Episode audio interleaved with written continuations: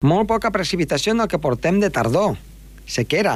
I és que, de fet, si mirem els boscos, si mirem el terra, falta molta aigua. I amb l'anticicló que tenim al damunt, sembla que la cosa va per llarg. Avui, precisament, parlarem d'això. Comença el torn.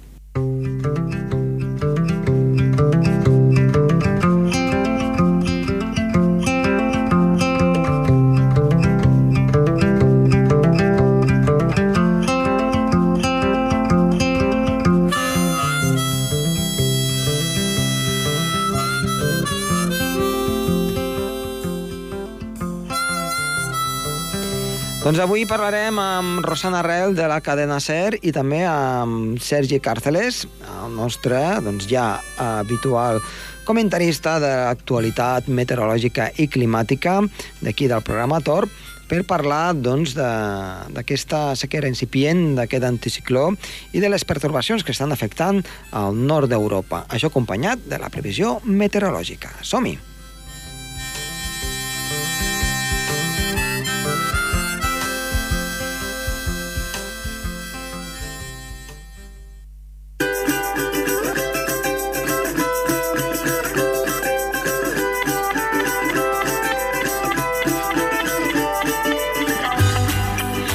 Doncs comencem el programa i tenim a l'altre costat en Sergi Càrceles. Sergi, bona tarda.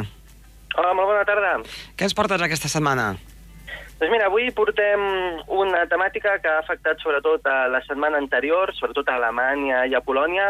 Va ser aquesta borrasca que li han posat fins i tot nom, quasi, quasi com si fos un huracà, no? Sí, Parlarem sobre la borrasca anomenada Xavier. Xavier, és estrany, no?, que l'hagin ficat un nom a una borrasca a Europa? Doncs sí, perquè normalment només es posen noms als huracans, quan ja són intensos, i en aquest cas, bé, no sé si és perquè mediàticament li han volgut donar molta més importància, no? Mm. Sí que és veritat que ha causat bastantes destrosses, ara ho parlarem, però és curiós que l'hagin posat un nom a una borrasca en si. Doncs parlem del, del Xavier, a veure, a veure què ens ha portat. Doncs mira, el Xavier ha estat una borrasca bastant intensa que ha afectat sobretot Alemanya i a Polònia, i és més, ha causat morts. Ha causat set morts a Alemanya i dos a Polònia, amb, uns quilo, amb unes velocitats del vent que han arribat a ratxes de 150 km per hora, i clar, aquells països eh, no estan acostumats a aquestes ratxes de vent, llavors han creat molts desperfectes, moltes destrosses i fins i tot algunes morts doncs, per gent que s'ha quedat atrapada a les cases, coses, coses així. Les zones on més han quedat afectades ha estat, per exemple, la ciutat de Berlín mateixa, una gran ciutat ha quedat afectada, també Brandesburg, eh, Sajònia o el districte de Kassel. O sigui, són zones molt poblades i, clar, llavors els desperfectes i el perill doncs, és, és molt intens.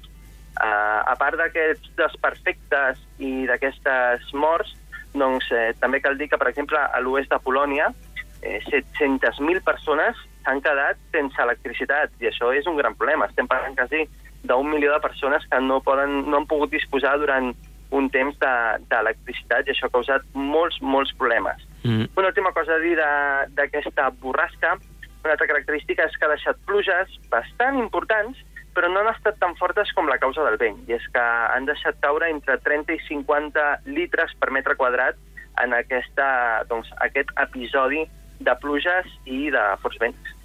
Però, diguem aquesta, aquesta perturbació era un antic huracan o quin, quina ha estat la seva gènesi? El per què? I el per què doncs, s'ha format aquí al nord d'Europa? Bé, eh, ha estat una borrasca.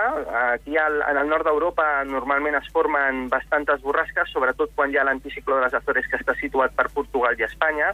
Sempre que hi ha un anticicló per, a, per a aquesta zona de la península, es creen allà bar, eh, borrasques bastant importants al, al nord d'Europa. El que passa és que ha concordat o ha hagut la mala sort de que um, les isòbares, que són aquestes línies no, que ens inventem els meteoròlegs per, per poder distribuir la pressió atmosfèrica, mm. doncs en aquelles zones les isòbares estaven molt, molt juntes, i és que només en el país d'Alemanya hi havia una diferència entre el nord i el sud de més de 20 hectopascals. És a dir, quan més juntes estan aquestes isòbares, més ben fa, i estaven superjuntes. Mm -hmm. I és un cas bastant excepcional, i si a part d'això li ajuntem que en altura hi havia un talbac, una massa d'aire fred, una llengua d'aire fred, en altura que el que produïen en què hi haguessin pluges i encara més inestabilitat, doncs mira, ha estat com un, un còctel no?, que, que ha produït aquestes, aquest fenomen pues, tan fort i tan intens. I també, per què no dir-ho, Alemanya i Polònia no estan acostumats a aquests fenòmens. I és que m'agradaria fer una reflexió. Uh, estem parlant de ratxes de 150 km per hora, que clar, nosaltres aquí doncs, ens sembla molt, però, per exemple, a la Costa Brava, quan bufa la tramuntana, Sí. allà, eh, fins que no arriben a ratxes de 120 km per hora, no s'activa una alerta per vent. Clar, tot depèn de la zona on estiguis i de l'acostumats que estiguin, no?, o, o lo preparats que estiguin per aquestes ratxes de vent. Per això diem que mm, sí que és veritat que li han posat, li han posat el nom de Xavier, no?, com si fos un huracà, i és més, segurament ha hagut gent que li ha semblat que, que hagi pogut estar com un huracà, no?, per les destrosses que ha fet. Però al final, les zones que estan preparades a Europa, 150 km per hora no és tant com, com sembla. Mm, jo, jo sempre dic una cosa eh, amb això del vent, eh? que quan fa vent en zones que no estan acostumats, eh, les destrosses són immenses. En canvi, en un lloc on ja estan acostumats, diguem-ne, tot aquell material, eh, totes aquelles coses susceptibles de, de no resistir, diguem-ne, al llarg dels anys, al llarg doncs, de, de la història, diguem-ne, doncs la natura ha fet neteja d'això, no? I, No, clar. i, I veritablement, clar, la gent ja no fica certes coses al carrer quan sap que hi ha ventades. En canvi, en un Correcte. lloc en què no doncs, s'està molt acostumat, doncs sí que caurà moltes destrosses. I recordo doncs, no fa tants anys quan hi va haver la ciclogènesi explosiva que, que va passar Sí. per damunt del Pirineu i va ocasionar vents de l'oest, mm, no sé si ho recordes, que no eren massa Sí. forts, 80, Sí, 100 km per hora, però de l'oest afectant el centre de, de Catalunya, clar, hi va haver una destossa d'arbres impressionant, perquè vents de l'oest amb aquestes velocitats doncs els arbres no, no, no, no aguantaven, sincerament. Clar, aquesta velocitat a alta muntanya o, com dius tu, no? a la Costa Brava, doncs no, no hi ha cap arbre que, que, que pugui caure. No? Una mica potser, potser seria aquesta una mica la, la conclusió en definitiva. Sí, clar, i és que, a part, um, al final, el que causa més destrosses en les ciutats i tot això són els arbres, no? Mhm. Quan cauen estem parlant d'arbres que són bastant alts i a l'hora de caure doncs, poden danyar edificis, poden destruir ten- tendes, poden... Bé, fan moltíssimes destrosses. Clar, és el que tu dius. A les zones que estan acostumades a aquests vents, la vegetació que hi ha allà ja està acostumada. Llavors els arbres ja són més forts o són més elàstics, llavors fan que aquests arbres no puguin caure. Mhm. I com parlaves tu dels Pirineus, no? estem parlant de, de pins, estem parlant de d'arbres que són molt forts, no? que són molt resistents, i aquestes ventades les poden, les poden suportar.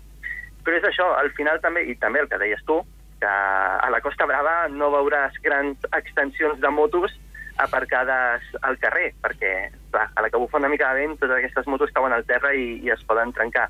Exacte. És tot, sí, tot això és la zona geogràfica i l'acostumada que està tant la població com la natura no, a, aquestes, a aquestes ventades. I te, tenies un darrer tema eh, que m'has comentat i of the record i, i, que, i que crec que és important que la gent sàpiga, que parla sobre el tema de la capa d'ozó. Doncs sí, mira, tenim una bona notícia per comentar aquesta setmana i és que um, el forat de la capa d'ozó cada cop està sent més petit, s'està arribant a valors que no arribàvem des del 1988. Ja sabeu que, bé, fa molts anys doncs, que la capa d'ozó s'ha anat fent cada cop més gran, no? era un problema mundial, s'havia fins i tot doncs, aturat de produir certs productes químics que representa que feien eh, augmentar el forat, i, per exemple, ara, aquest any, doncs, hem arribat a una extensió màxima de 20 milions de quilòmetres quadrats, que semblen molts, és més, ho són, però clar, si pensem que a l'any 2000, que va ser l'any que més eh, extensió va haver de forat, era de 30 milions, estem parlant que en 17 anys s'ha disminuït 10 milions, o sigui, un terç d'aquest forat s'ha tornat a, a restablir. Mm -hmm. A, a part, doncs, el 2016, l'any passat, teníem 23 milions. O sigui, en, en només un anyet s'ha ha millorat doncs, 3 milions de quilòmetres quadrats. Evidentment, el forat va fluctuant, no és una cosa que estigui sempre quieta, però bé, són bones notícies, no?, que algú devem estar fent bé perquè el forat de la capa d'ozó, a poc a poc, torni a la normalitat. Doncs eh, ja tocava una mica, eh, Sergi? La veritat. Doncs, Sergi, moltíssimes gràcies i t'esperem la setmana vinent. Molt bé, vagi bé. Adéu-siau. El Torb, amb Josep Tomàs.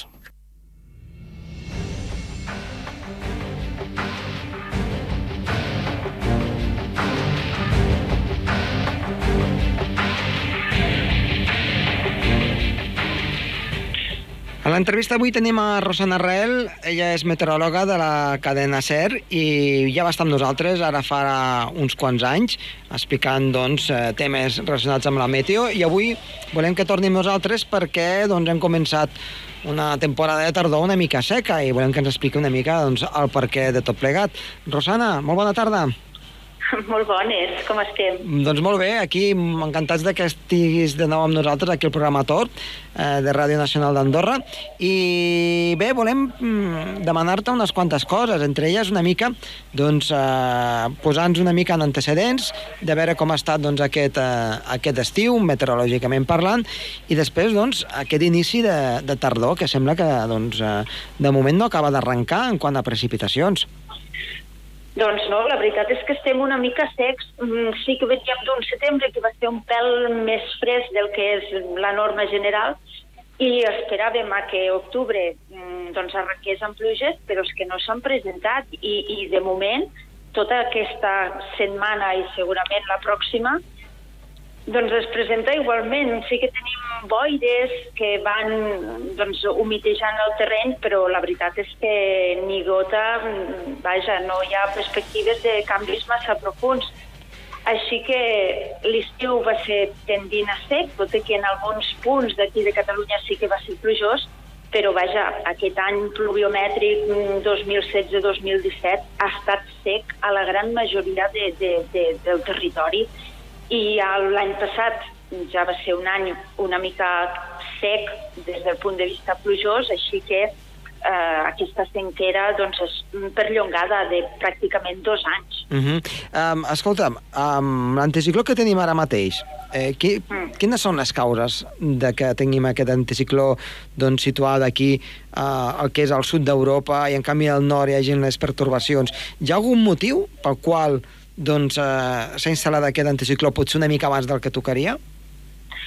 Bé, no. Eh, aparentment, eh, la circulació general de l'atmosfera no, no, no genera potser prou pertorbacions per fer canviar eh, aquesta dinàmica de l'anticicló instal·lat a casa nostra i, per tant, ja veurem si aquesta temporada d'huracans, que sembla que ha estat una mica major en nombre d'huracans, pot fer canviar doncs, aquestes posicions pel que fa als anticiclons i a les borrasques.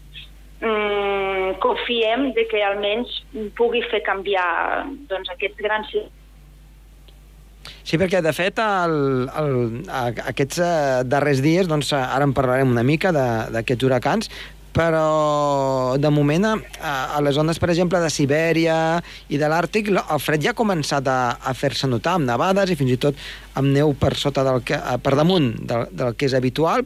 Eh, potser s'està allí doncs, fent un magatzem d'aire fred que després ens afectarà, Tens algun indici o has pogut mirar una mica què ens pot deparar el futur? I això, ja, ja sabem que això és una mica de bola de vidre, eh? però, però clar, mm, amb tants dies sense ploure doncs ja comencem a estar una mica preocupats. De fet, cada any passa el mateix. Els meteoròlegs sí que veiem com doncs, a les latituds més altes s'emmagatzema el fred i sempre confiem que tot això baixi a les latituds nostres, però si hi ha alguna baixada d'aquests fetes de manera molt puntual i sí que deixar neu al Pirineu i poca cosa més. Uh mhm. -huh. L'any passat, mm, aquest hivern passat, hem tingut neu a molts pocs llocs, sí que al Pirineu doncs, ha nevat força, però per què? Perquè a lo millor en 3 o 4 dies ha fet la nevada mm, de tot l'any. Uh mhm. -huh. Val? Clar, estadísticament te solvente la papeleta, per dir-ho així, però des d'un punt de vista de continuïtat doncs veiem que no apareix. Per tant, la, la percepció és que se pot emmagatzemar fred i, per tant, l'esperança la tenim, però mm, l'experiència d'aquests darrers anys és que no tenim fred o no tenim pluja més que una vegada a l'any mm. i això fa que, que estadísticament te resolgui no, la, la, la mitjana, però poca cosa més. Aquest estiu sí que, ja que està, aquest setembre hem tingut alguns fronts que ens anaven creuant, però han estat poc productius pel que fa a l'aigua. Per tant, i de tempestes n'hem tingut les justes. La Ibèrica ha respost molt poc, que normalment eh, tot el que és de Terol um, sempre és el generador de grans tempestes que afecten bona part de Ponent, les Terres de l'Ebre, i aquest any no s'ha produït. Al Pirineu sí que hem tingut algunes tempestes, però tampoc tantes. Per tant, la percepció és que el que sempre diem que passa doncs mm, no acaba produint-se aquests últims anys i per tant també confiem que el Mediterrani, sempre diem, està més càlid perquè venim de, de l'estiu i de fet aquest setembre et podies banyar perquè l'aigua encara estava prou, prou càlida i no estem tenint aquelles tempestes fortes de, de setembre, octubre amb inundacions mm, que sempre tenen ressò mediàtic. Ja. Per tant, clar, què passarà aquests no aquesta setmana ni la pròxima perquè pinten bastos, què voldrà dir això? Que potser el novembre farà un aiguat que, que ens inundarem tots? Clar, això és mal de preveure, no ho podem dir. Uh -huh. Quan, quan parlaves d'això de, de les nevades, mm, clar, és un tema que no, que, que no havíem tingut en compte, que doncs, neva al Pirineu, en dos o tres dies fa les, la nevada de l'any, diguem-ne, no? que neva mig metre, un metre o dos metres, i aquesta neu, gràcies doncs, a que en alçada, mm. evidentment, fa baixes temperatures, i amb els canons de neu ja es manté, i llavors, clar, ens sembla, doncs, bueno, ja tenim la, la, la, la neu assegurada no, per les pistes d'esquí, però clar, això és molt diferent del que tu parlaves, perquè tu parlaves de doncs, aquesta neu o aquestes precipitacions que han d'anar fent al llarg de tot l'hivern, siguin poques o siguin moltes.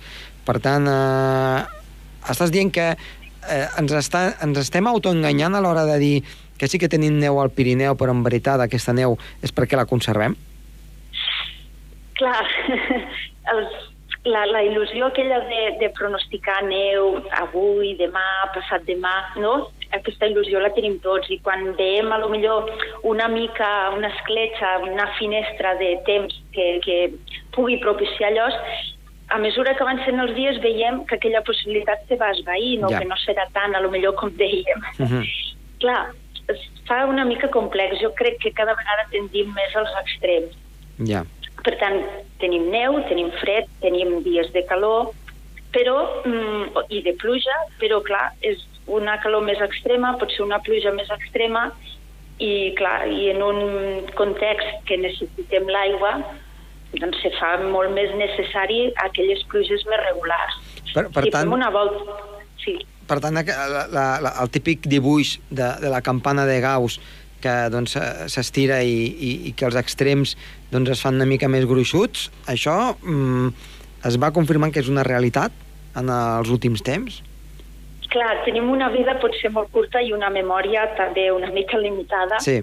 però la, la, la sensació, clar, sempre recorrem a les estadístiques per, per veure no? les gràfiques i realment si hi ha campanes de Gauss o el que sigui, però la sensació és que sí, que no sé, anem cap a, cap a aquests extrems. Uh -huh. Escolta'm, eh, voldria, voldria doncs, eh, també parlar una miqueta del que ha estat doncs, la temporada d'huracans. Ho anem comentant al llarg doncs, d'aquestes darreres setmanes, però una mica perquè ens facis res per damunt 5 cèntims i ens parlis d'aquest darrer huracà, l'Ofèlia, que sembla doncs, que, que gira cua no? eh, a l'Atlàntic i tot, tot plegat una mica estrany. Sí, sí, bé, n'hem tingut alguns, com el Claus, que va ser al gener del 2000, potser ara em fallarà la memòria, 2009, que, que va arribar amb vents mm, bastant forts, a, tant a tota la península ibèrica com també aquí a Catalunya. Per tant, no és excepcional l'Ofèlia que arribi. Uh -huh. Veurem si l'Ofèlia arriba en més magnitud, mm, si amb huracà o ja amb tempesta tropical, i sobretot que pel que ens interessa i pel que estem parlant, a veure si dona un canvi a, en aquesta configuració que fa dies que portem i ens porta una mica, potser, de pluja cap aquí, fa canviar doncs, mm, aquestes baixes pertorbacions que tenen a latituds més altes, doncs fa que arribin més aquí a Catalunya i a Andorra i, per tant, pugui canviar el temps, s'emporti aquesta calor que tenim i ens porti aigua, que és el que necessitem. Clar, veurem, de moment diuen que la temporada d'huracans ha estat més de l'habitual, més del normal.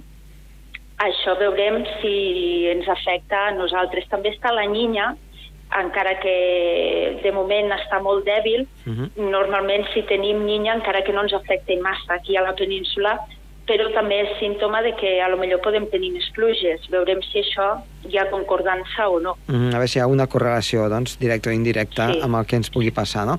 Um, digues, digues. La perdona. veritat és que jo mm, suposo que, que passarà a Andorra i a molts llocs, però realment si veiem els pins, els arbres, estan, estan secs. Així que no només ens ho diuen les estadístiques, que portem una sequera una mica perllongada, és que els arbres estan parlant també per ells mateixos. Al- Aleshores, quan, quan hauria de ploure? Eh, quan, durant quant temps i de quina manera? Clar, Que, clar, per, per, per, tens una idea, no?, de, de fins on pot arribar la Clar, gravetat. l'i- l'ideal seria que no plogués massa fort, que no caiguessin 100 litres en un dia i es pogués perdre l'aigua, sinó que ho fes una mica més pausadament, Uh -huh. Perquè es pogués absorbir tot i suposo que els arbres també poguessin utilitzar-la millor. Per tant, dos, tres tongades de pluges que poguessin recollir 200-300 litres, però amb, amb un espai d'un mes, per exemple. Clar, sí, seria recuperar tots els litres que no han caigut aquest estiu uh Mhm. -huh. i aquest setembre, sobretot, no poder-ho anar-ho repartint aquests pròxims dies i el mes de novembre. Clar, que el mes de novembre encara és un mes que és plovedor. Um, ja per acabar, eh? Um, clar, tenim l'anticicló aquí, però al nord d'Europa, uh, tot bloquejat, doncs les pertorbacions estan, estan a dalt i sembla que estan, estan, estan sent bastant, bastant fortes en tota aquella àrea, sobretot en quant als vents. Clar, sí, sí, sí, allí tenen un panorama força diferent. No sé massa bé com estan allí les mitjanes estadístiques, Mhm. però faltaria veure mm, quins són els registres de pluja o de temperatures que han tingut al llarg d'aquests últims mesos, però també han tingut estius bastant càlids, així que mm, les temperatures han estat bastant altes aquest estiu a molts països, així que suposo que és una tendència generalitzada que també a gran part d'Europa se trasllada aquesta bonança del temps. Uh -huh. Per tant, doncs, eh, en general podríem parlar que al continent europeu la, la, la situació ha estat una mica secota i, i, una, mica, i una mica càlida.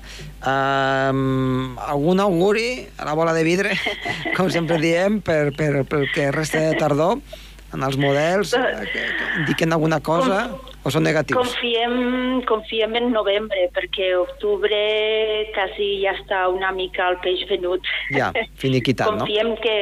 Sí, els últims anys, aquests dos, tres últims anys ha estat el mes de novembre que ha Mhm. salvat la pluviometria de l'any, per tant, confiem en novembre. D'acord. Doncs, Rosana, moltíssimes gràcies per estar avui aquí al programa i ja ho saps, t'esperem una, una propera vegada. Quan vulguéssiu. Moltes gràcies, adeu-siau. Adéu.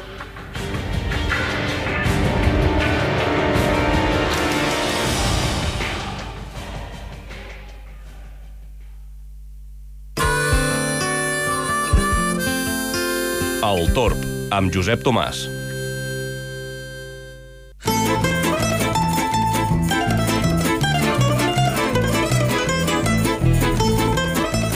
Doncs som a la previsió meteorològica per aquest cap de setmana i, de fet, doncs, per aquests propers dies continuem amb l'anticicló, per tant, si van a l'alta muntanya no hi haurà cap problema en quant a precipitacions, a nevades o a canvis de temps sobtats, perquè la visibilitat serà excel·lent. Una mica de fresca a primera del matí, potser en alguna fondalada la temperatura a l'alta muntanya pot arribar a fregar als 0 graus, però en general les màximes a 2.000 metres poden arribar als 13-14 graus. Per tant, una situació doncs, més aviat de finals eh, d'agost o principis de setembre a l'alta muntanya al migdia, no pas doncs, de pràcticament ja mitjans d'octubre.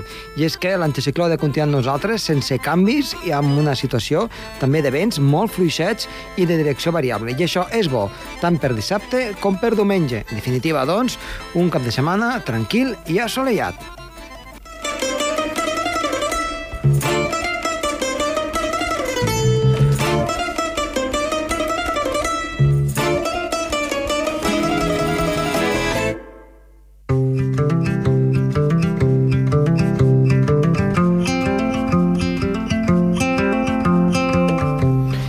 Acabem aquí el programa. Esperem que els hi hagi agradat. Està de les vies de so, Toni Escur, i que els ha parlat amb molt de gust, Josep Tomàs. Adéu-siau, tornem la setmana vinent.